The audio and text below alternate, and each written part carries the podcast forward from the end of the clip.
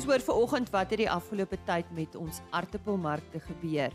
Die Swartland skou op Moreesburg is vanjaar vir die 88ste keer aangebied en Jacques Bester gee terugvoer. Linde Du Plessis van Brandwater Bramane en Droughtmasters gesels oor hulle veiling op 23 September en Callie Skooman van die Skooman Groep gesels oor 'n geleentheid van 7 September waar opkomende droëboonprodusente vereer is vir hulle sukses. Hy het ook 'n spesiale boodskap vir landbou.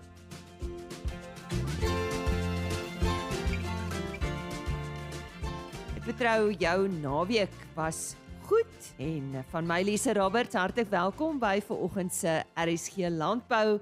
Ek sien uit om saam met jou te kuier. Vir ons Augustus aartappel markverslag aan die woord Janu Besuidenhout. Hy is die industrie inligtingbestuurder van Aartappels SA. Vir die eerste 35 weke van 2022 is daar ongeveer 72.9 miljoen 10 kg sakkies verkoop. Met genoegsame lewerings aan die markte is ons steeds 3.1 miljoen 10 kg sakkies onder die 5 jaar gemiddeld vir die eerste 35 weke van die jaar. Die gemiddelde prys vir hierdie tydperk is R2.15 minder as die vorige jaar en was R42.13 per 10 kg sakkies oor alle klasse en alle groottes. Indien ons kyk na die gemiddelde weeklikse prys, het week 35 van 2022 se gemiddelde weeklikse prys geëindig op R40.16 per 10 kg sakkie, wat 2% hoër is as die vorige week. In Augustus 2022 was die gemiddelde daaglikse voorraadvlakke op die varsprodukte mark meer as 'n miljoen 10 kg sakkies per dag, wat ongeveer 135 000 10 kg sakkies meer is as Julie se gemiddelde voorraadvlakke. Jaar op jaar het Augustus se gemiddelde voorraadvlakke met 55% gestyg. Die gemiddelde daaglikse prys gedurende Augustus 2022 het gewissel tussen R37.84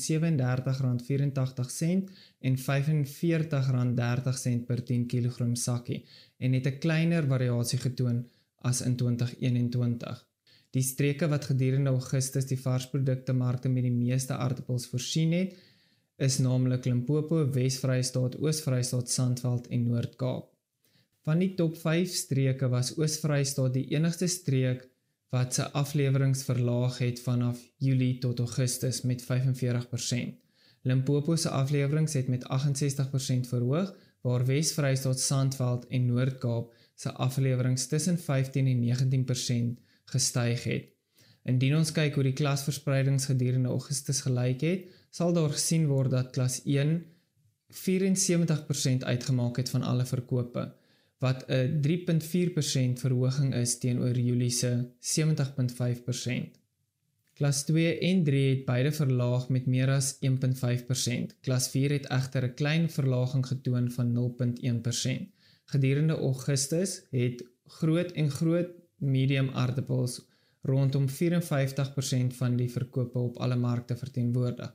Groot, medium en klein aardappels se verkope het onveranderd gebly waar groot medium aardappels se verkope met 1% verhoog het na 29%. Klein, medium en baba aardappels se verkope het beide verlaag. Gedurende Julie en Augustus het die verkope weer die 9 miljoen 10 kg sakkie merk bereik. Tydens Augustus het die maand se verkope weer die 5 jaar gemiddeld vir dieselfde maand oorskry. Limpopo was die markleier gedurende Augustus met 39% markandeel Wes-Vrystaat was die tweede grootste streek gedurende Augustus en het 32% markandeel geniet. Oos-Vrystaat het 10% van die verkope op die varsprodukte markte verteenwoordig. Noord-Kaap het 8% van die verkope op die varsprodukte markte verteenwoordig. Aartappel Suid-Afrika nooi elke produsent en belanghebbende uit na Aartappel Suid-Afrika se kongres wat plaasvind op die 22ste September by die Ou Artambo Radisson Hotel waar ons gaan gesels oor die toekoms van ons aartappelbedryf en watter interessante tegnologie op die horison is vir ons bedryf. Vir meer inligting besoek ons webbladsy www.potatoes.co.za of kontak enige van ons personeel. Ons sien regtig uit om elkeen van julle daar te sien. En so sê Janu Besuidnout van Artipels SA. Die bekende Swartland skou op Moreesburg is vanjaar vir die 88ste keer aangebied. Ons het tydens die skou met Jacques Bester, voorsitter van die Swartland skou gesels om meer oor vanjaar se skou uit te vind. Ten spyte van struikelblokke soos die naderdraai van COVID en die uitbraak van back and closure elders in Suid-Afrika wat meegebring het dat hulle hul beeskou moes kanselleer, het hulle steeds 'n skou aangebied. Hy vertel meer van die skou en ook van die hoogtepunte op vanjaar se skou. Ons is weer baie bevoorreg om vir jaar die platform aan te bied. Alhoewel ons in 2 jaar gemis het wat ons al 90 jaar oud sou gemaak het. Maar ja, met al die uitdagings van COVID wat daar buite was, het ons maar aangehou om te beplan, te beplan tot die regering nou vir ons sê wanneer dit tyd mag wees om weer normaal op te tree. So in Maart vir jaar 2022 het ons as skou besluit ons gaan nou volle gewig ingooi en alle borgers en donateurs nader om te kyk of ons nie weer kan wegtrek met ons normale skou nie. Ons is baie bevoorreg dat ons goeie terugvoer gekry het van al ons landbougenootskappe en banke wat ons goed ondersteun om weer hierdie platform te kan aanbied. Ehm um, vir jare rondom die beeste is ons ongelukkig kan ons nie vir hulle ehm um, uitgestel het as gevolg van die back and closure. Ehm um, maar kyk daarvan het ons gaan goed dink ons beesafdeling saamwerk met die bestuur om 'n platform aan te bied rondom beeste in die beesarena wat beesverwante sake hanteer. Uh onder andere wat hanteer gaan raak is die ehm um, siektes rondom closure en die siektes in die area. Die biosekuriteit daarvan, hoe moet boere maak in die toekoms om hulle diere veilig en skoon te hou en dan ook om hulle te bring na uitstallings of skoue. Ons bied ook vir jaar by die kleinvee afdeling uh twee twee swartan kampioenskappe aan in die twee skaaprasse naamlik die Merinos en Vleismerinos. Dan is ook 'n Isa Boebok afdeling wat aangebied gaan raak. Hulle is nagenoeg 350 bokke wat oor die hele Weskaap vanaf kom. Ons is baie bevoorreg om vir jaar daai platform te kan aanbied. Die Boebok skou is ook 'n Weskaap kampioenskap. Dan bied ons ook 'n BKB lewende hawe veiling aan van nagenoeg 2000 lammers. En dit eindig op die dag met 'n slagos en slaglam kompetisie waarvan die karkasse opgeveil word op die terrein. Dis ook 'n hoogtepunt by ons diereafdeling waar uh, baie kompetisie is tussen die verskillende rasdelers om te bepaal watter dier is nou die topdier om te teel. Met die pleinvee afdeling wat steeds groei, is ons baie bevoorreg om ook daai platform aan te bied. Dit is baie baie gewild onder die jeug. Ook tesame met dit bied ons 'n jeugskou aan van nagenoeg 90 kinders vir jaar. Dit is 'n hoë groot hoogtepunt vir baie kinders en baie ouers. In die besigheid het ons ook vir jaar 'n klompie klein diere waar ouers hulle kinders kan vat om vir hulle laat bottel drink en in direkte aanraking met diere kom van die plaas af. Dit word aangebied in die besigheid as gevolg van die bese wat nie is die Swartland skou bied vir jaar ook 'n groot perde skou aan van nagenoeg 400 perde.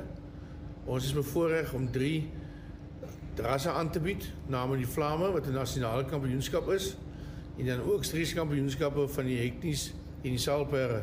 'n Groot trekpleister wat gewoonlik opbou aan die einde van die skou is die 8 pere in 'n span. Swartland skou is een van die min skoue in die land wat tog 'n kampioenskap het met dit. Jacques het in 'n skouhuis groot geword. Wat beteken Swartland skou vir hom en hoe wil hy hê moet ander dit beleef? Ja, as kind het ek groot geraak onder die tafel by die skou En so het ons maar van skou geleer en deel geraak vir die kultuur. Dat skou se altyd 'n uh, riem onder my hart bly en dit bly 'n groot voorreg om deel te wees van so 'n bestuur om hierdie platform te kan aanbied. Ons is nagenoeg 40 bestuurslede wat almal saamwerk vir een doel en dit is om te kan skou. Nou wat is skou? Ek sien swart aan skou vir my as persoon die liefde wat ek sien tussen mense om saam te kan beweeg, vriendelik te wees en saam te kuier en net die menswees te geniet. Die eie ek word uitgehaal en die mens geniet net mekaar se se liefde rondom diere en en eisters wat tentoongestel word op 'n platform. Ja, dis die tradisie van Swartland skou. Ehm um, mense is lief vir mekaar. Jy word lekker kos gemaak, lekker gekuier, lekker saam saam wees is tog waar dit gaan na 2 jaar van Covid. So ja, daar's 'n liefde en 'n passie vir dit wat jy aanbied en ek hoop die mense kan dit so ervaar wat as jy doen. En dis dan kortliks terugvoer oor vanjaar se Swartland skou wat daar op Moreesburg plaasgevind het vir die 88ste keer. Ons het daar gehoor van Jacques Bester, voorsitter van die Swartland skou. Ek gesels nou oor 'n veiling van 23 September. Ek gesels met Linde Du Plessis. Nou Linde, ons het dit as 'n brandwater Brahman jaarlikse produksieveiling, maar jy sê jy het ook Droughtmasters, so vertel ons bietjie van brandwater. Ja, ons het ehm um, die die Brahman stoet het ons in 1996 begin en ons het die Droughtmasters begin in 2012. So uh, ja, ons het uh, ons het twee stoeterye waarvan ons nou elke jaar uh wille op die veiling het. En vir jaar se veiling is weer die 23ste September en daarop sal ons dan Brahman en Draadmasterbulle aanbied. Presies, waar is brandwater, Linde? Uh ons is geleë in Vriesburg distrik, tussen Vriesburg en Clarence. So ons is hier in 'n koue deel van die Vrystaat. Maar 'n pragtige deel maar, van die pragtige deel van die Vrystaat. Ja, die beeste doen goed hierso. Mm, mm. En uh selfs die Brahmane ook en en die draadmasters uitstekend ook hier in hierdie gedeelte van die land. Linde sê vir my en julle is dis veilig vir julle om veiling te hou. Julle is daar in buite die gebied, né? Uh jy praat van Big and Clow nou, né? Dis reg, ja. Ja, nee, ongelukkig val ons in die gebied. Mm -hmm. Uh maar ons gaan voort met die veiling en uh uh ons ons ons sal ook al die biosekuriteitsmaatreëls volg en die beeste uh, sal uiteindelik maar eers uh gaan wanneer alles opgehef is. Ons sal die beeste hier versorg op die plaas. Hulle bly net hier die bulle. En uh as dit opgehef word dan sal ons die bulle versprei. Mm. So die veiling is op die plaas en uh, wie bied dit vir julle aan Linde? Uh Simon Hughes Marketing. Ja. Uh SHM, hulle bied die veiling aan met die afslag Brendan Leer. Wat ja. is, wat is op aanbod presies? Ons het uh 32 Brahman bulle en 23 Droughtmaster bulle. En indien ons meer uh, besonderhede benodig, wie kan ons skakel Linde? Ja, julle is welkom om te skakel die luisteraars ja. uh en boere wat belangstel in die rasse. Uh, uh skakel myself by 083 700 8592.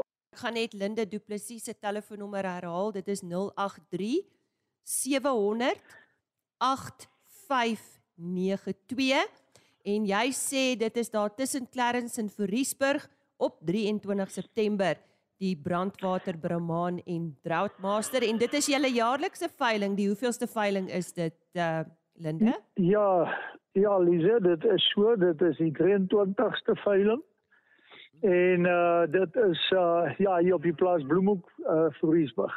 Bloemhoek. En almal is baie welkom om die dag saam met ons deur te bring. Het julle 'n aanlyn opsie ook uh enigsins Linde?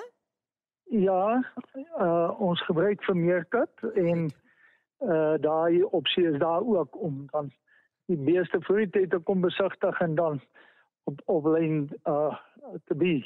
Goed, onthou dit is dan 23 September Brandwater Brahman en Droughtmaster jaarlikse produksieveiling. Kom ek herhaal net Linde Du Plessis se telefoonnommer 083 700 8592. As jy nou eers ingeskakel het, goeiemôre. Jy luister na RSG Landbou. Baie welkom.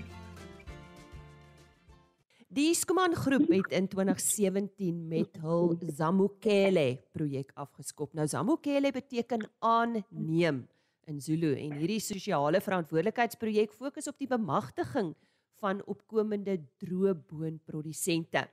Op 7 September is groot fees gevier en ek gesels nou juis met Callie Skooman, natuurlik die bestuurende direkteur van die Skooman groep. Callie, môre vier boere is op 7 September vereer. Voor jy ons van hulle vertel, gesels net eers met ons oor julle aandeel in die droëboonbedryf. Lise, goeiemôre. Ja, weet jy ons boer nou al vir uh vier geslagte en ons is vir die laaste 60 jaar besig om droëbone te produseer En dit het ontstaan as gevolg van die feit dat die inmaak uh fabriek van Langeberg destyds hier in Boksburg was en hulle het mos nou sousboontjies ingemaak en hulle het uh baked beans en tomato sauce, dis mos wat ons dit noem ingemaak. So oor die jare was ons 'n 'n lewerancier gewees vir die inmaakbedryf. Nadat Langeberg toe oorgeneem is deur Tiger Brands, het ons aangehou met die verhouding en het ons was ons een van hulle grootste verskaffers. Ehm um, so ons het dus uiteindelik ehm um, het die het die geblikte bone mark geweldig gegroei en en Rode toegetree tot die bedryf en en geblikte bone is vandag 'n uh, 'n uh, eintlik 'n vorm van 'n goedkoop proteïenbron en ons kon veral gesien het deur die tyd van van COVID hoe die gebruik van van bone toegeneem het as 'n proteïenbron en ook as gevolg van die klomp uh voordele wat dit het as 'n gesonde gesonde dieet. So ons ons is in hierdie bedryf vir baie jare en dit het aanleiding daartoe gegee dat ons uiteindelik kontrakboere gekry het wat vir ons produseer en uiteindelik die geboorte van Zamukele. Uh soos ek gesê het, julle het in 2017 met hierdie projek afgeskop. Hoe? Ja, weet, weet jy wat 'n groot rol gespeel het in die besluit om betrokke te raak by by grondhervorming was die grondberaad destyds by Bella Bella. En daar was verskeie boere wat hulle projekte die dag aangebied het en gesê het waar hulle help om opkomende boere te vestig met en te help met raad en advies en marktoegang ensovoorts en en dit het maar net die saadjie geplant en ons het besluit dat ons stelselmatig boere gaan identifiseer wat reeds 'n uh, grond besit of die grond huur maar wat reeds 'n akkerbouer is. So hy moet darem 'n gevoel hê vir 'n uh, 'n mielie of 'n sojaboon of 'n uh, sonneblom. En so het ons maar met klein treetjies begin en en en boere gehelp om te begin 'n klein wit boontjies plant vir ons. En ons het die projek toe nou genoem Zamukele, soos jy gesê het, uh dis eintlik die konsep is adopte farmer. En die idee was gewees dat jy boere wat in 'n spesifieke omgewing is, sou vra om 'n oogie te hou en 'n mentor te wees vir sy buurman. En en ek dink dit was een van die redes hoekom die projek so suksesvol was. Waar is hierdie boere oral? Ons het vir jaar 63 boere gehad wat vir ons kleinwitbone geproduseer het in vyf verskillende provinsies. So daar's van hulle 'n groepering in die Vrystaat, in Noordwes, veral daar in die Ligter Lichtenburg gebied, in Mpumalanga, as ook in Limpopo.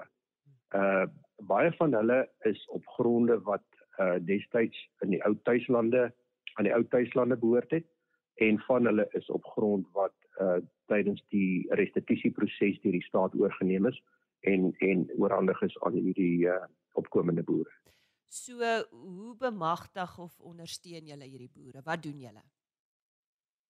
In die eerste instansie gee ons hulle marktoegang. So hy kry 'n kontrak wat vir hom 'n vaste prys gee voordat hy plant. En en dis nogal 'n groot voordeel. So hy is nie onseker oor sy prys nie. Hy's nie uitgelewer aan aan aan 'n volatiele mark nie.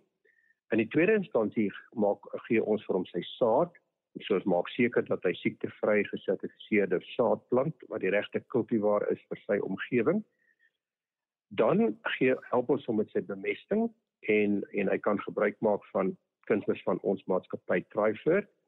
Ons help hom met landboukundige advies wat kom van een van ons vennote Laafveld Agrocap en ons help hom ook met presisieboerdery en dit is nou grondontledings, blareontledings en hy kan selfs gebruik maak van ons het 'n 'n app of 'n toepassing geskryf waar ons elkeen van hierdie boere se se se se se praktyke kan dophou. Hy kan gebruik maak van van die satellietbeelde wat 4 keer 'n dag beskikbaar is. Uh, so hy kry 'n totale pakkie. Dan het ons twee landbouvoorligters. Sukses is die een ou en sy naam sê dit alles mm -hmm. en Bongani. So Sukses in Bongani het oor 400 besoeke gebring. So hulle is heeltyd op die pad en hulle besoek elke boer ten minste 4 keer 'n jaar om hom van raad en advies te bedien. En uiteindelik wanneer hierdie bootjies dan nou gelewer word, hulle lewer dit vir ons alles in massa, dan vind daar 'n gradering plaas. Ons doen die aftrekkings. Ehm um, trouens die lening is rentevry en en dan word die balans aan hom uitbetaal en hy kry sy geld binne 14 dae nadat hy gelewer het. Uh, en ek dink dis die dis die ondersteuning wat hulle vra. Dan het ons studiegroepe, ons het boere daar en dit gaan alles oor oor kennis uh en veral tegniese kennis. En en dis wonderlik om te sien dat wanneer hy die eerste keer suksesvol was, hoe vinnig hy leer en hoe vinnig hy oorskakel na 'n volgende rad toe. Dit is 'n geweldige bevredigende uh, oefening. Ek kan dink, ja. Vertel ons bietjie van hierdie vier boere wat julle nou vereer het op 7 September. Ja, dit was pragtig geweest, uh Lisa en eintlik half emosioneel. Weet jy, uh, Paulo van Lichtenburg het 'n prys gekry vir die hoogste opbrengs. Hy het 1.6 ton skoonbone per hektaar gelewer.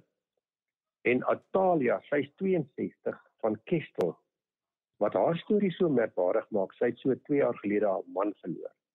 Dit is 'n familieboerdery. En toe sy verlede jaar haar seun verloor. Uh haar man is dood in 'n in 'n in die COVID tyd. Haar seun is dood in 'n motorongeluk. En hierdie tannie het vrou alleen verder geboer. En weet jy sy het die prys gekry vir die boer met die skoonste boontjies. So die produk was pragtig skoon geweest. Daar was feitelik geen uitval of vreemde materiaal of gekraakte bone nie. Oh. Dan Petrus, hy kom ook van Kessel af. Hy het die prys gekry vir die skoonste lande. Weet jy, jy kon gaan soek vir 'n onkruid of 'n bossie of 'n grasie. Daar was niks, dit was net boontjies. Dit was pragtig skoon geweest. En Ramodisa Monaisa van Gelukpan, hy het die prys gekry vir die boer wat die beste vordering getoon het die laaste 3 jaar. En weet jy, hulle het dit nou nie verwag nie en elkeen het 'n baie mooi prys gekry. Ons het seker ons het borge gehad waarvoor ons baie dankbaar is en van hulle het nou saad gekry, van hulle het onkruiddode gekry, van hulle het het 'n het 'n koopbewys vir diesel gekry, 'n mooi sertifikaat en en en so 'n mooi voorbeeld van 'n trekker. Uh ek gaan nie sê wat sy kleur was nie, maar dit was of groen of rooi. en wat kan kan gaan uitstal by sy by sy huis. Ja. So dis 'n uh, dit daai erkenning beteken vir hulle geweldig baie en dit skep 'n kompetisiegees, 'n gesonde kompetisiegees wat net gaan veroorsaak dat hulle weer 'n voorbeeld is vir sy buurman. Ehm um, ja, dit is hoe ons hulle vereer. Wonderlike storie. Hoe lyk die toekoms Callie van hierdie projek? Um, ek bedoel daar's soveel uitdagings in landbou tans, soos klimaat, verhoogde insetkoste en ek dink hulle voel dit ook. Ja, weet jy Lisa, ons ons praat reguit met mekaar oor hierdie goed. Ehm um, en as 'n mens nou gaan kyk na die risiko's wat ons almal in die gesig staan, dan eintlik is ons as uh bestuurders van ons landboubesigheid eintlik besig om risiko's te bestuur. En jy het nou gepraat van insetkoste, eh uh, duur logistieke koste, die klimaatsverandering. Maar mense vergeet van die invloed wat die verbrokkeling van ons infrastruktuur het, naamlik paaie en treinspore en hawens.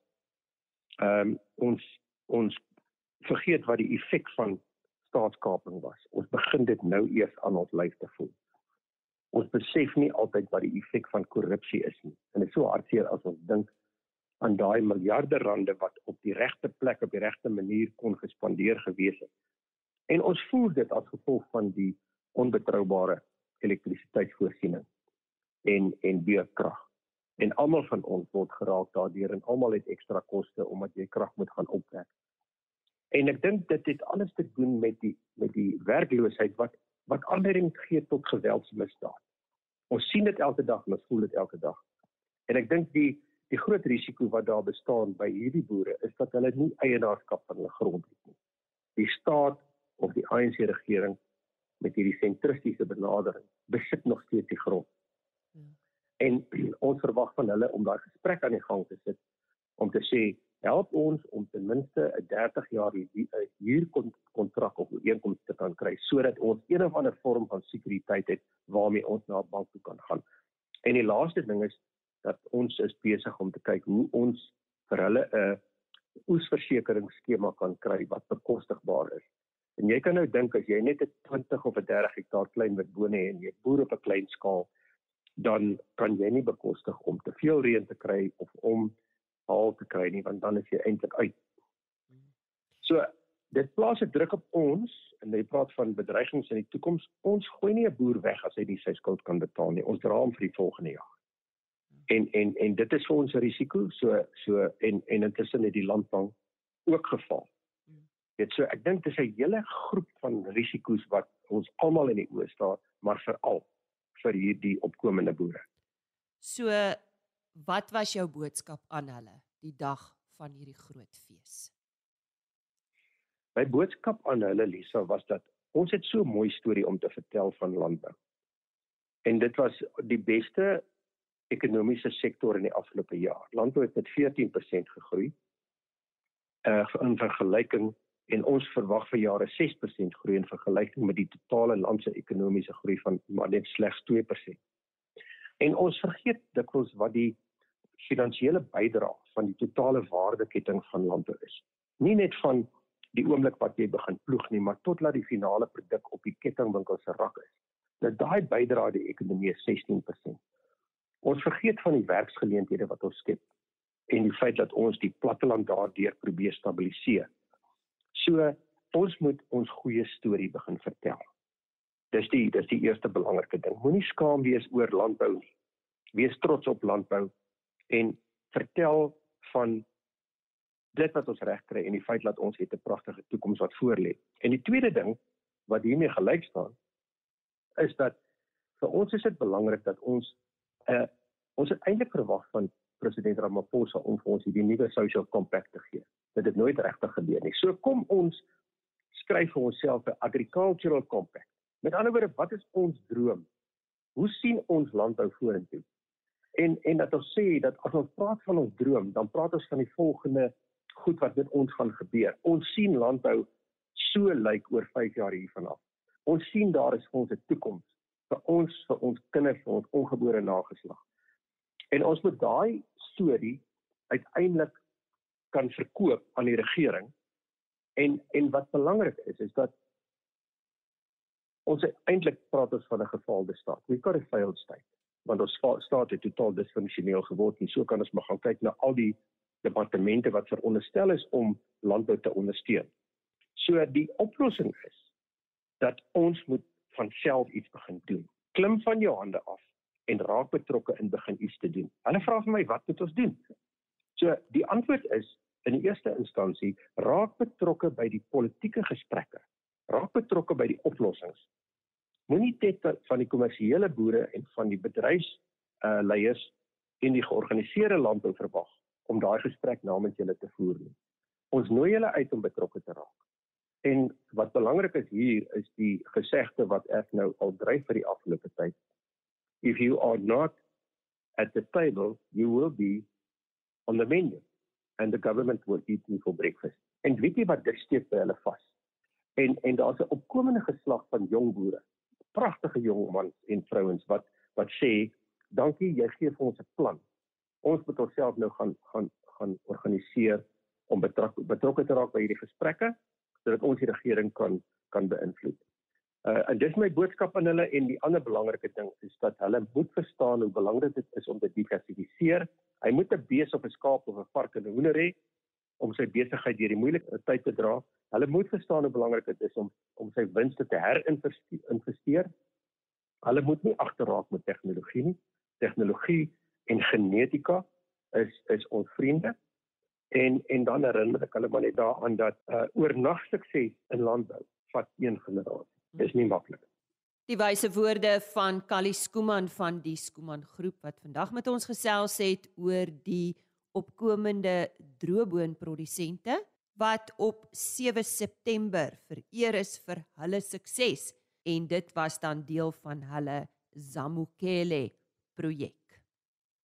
Dis nou eers tyd om te groet. Dit was my voorreg om vanoggend jou gasvrou te wees vir nog 'n aflewering van RSG Landbou. Kuier gerus môreoggend weer saam met my. Totsiens. RSG Landbou is 'n plaas media produksie met regisseur en aanbieder Lize Roberts en tegniese ondersteuning deur Jolande Rooi.